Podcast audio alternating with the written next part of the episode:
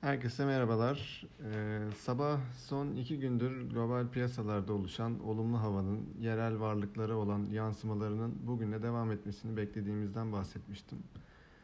Evet dediğimiz gibi yurt dışı endekslere baktığımda neredeyse her yeri artıda görüyorum. Ee, ama bugün e, biz diğer piyasalara göre, göre olumlu ayrıştık. Bu e, neden olumlu ayrıştık diye soracak olursanız gün içerisinde e, Cumhurbaşkanı Erdoğan'ın ekonomide güven kazanımına daha fazla odaklanacağız demesi etkili oldu. E, bu açıklamadan sonra endeksteki yükseliş bankalar önderliğinde hız kazandı. E, bankaların yanında hisse spesifik baktığımda Doğuş Otomotiv, Kardemir, Koç Holding'in yüksek getiriyle günü kapattığını görüyorum.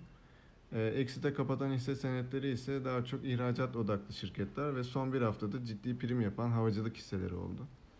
Sonuç olarak e, BIST 100 endeksi %3 yükselişle zirve yaparak e, günü 1280 puanın hemen altından kapattı.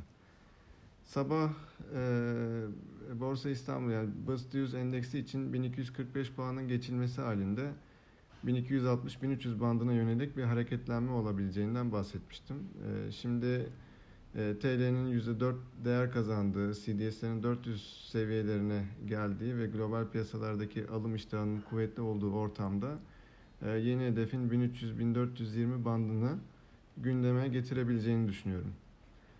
E, yarın için önemli bir gündem maddesi gözüme çarpmıyor.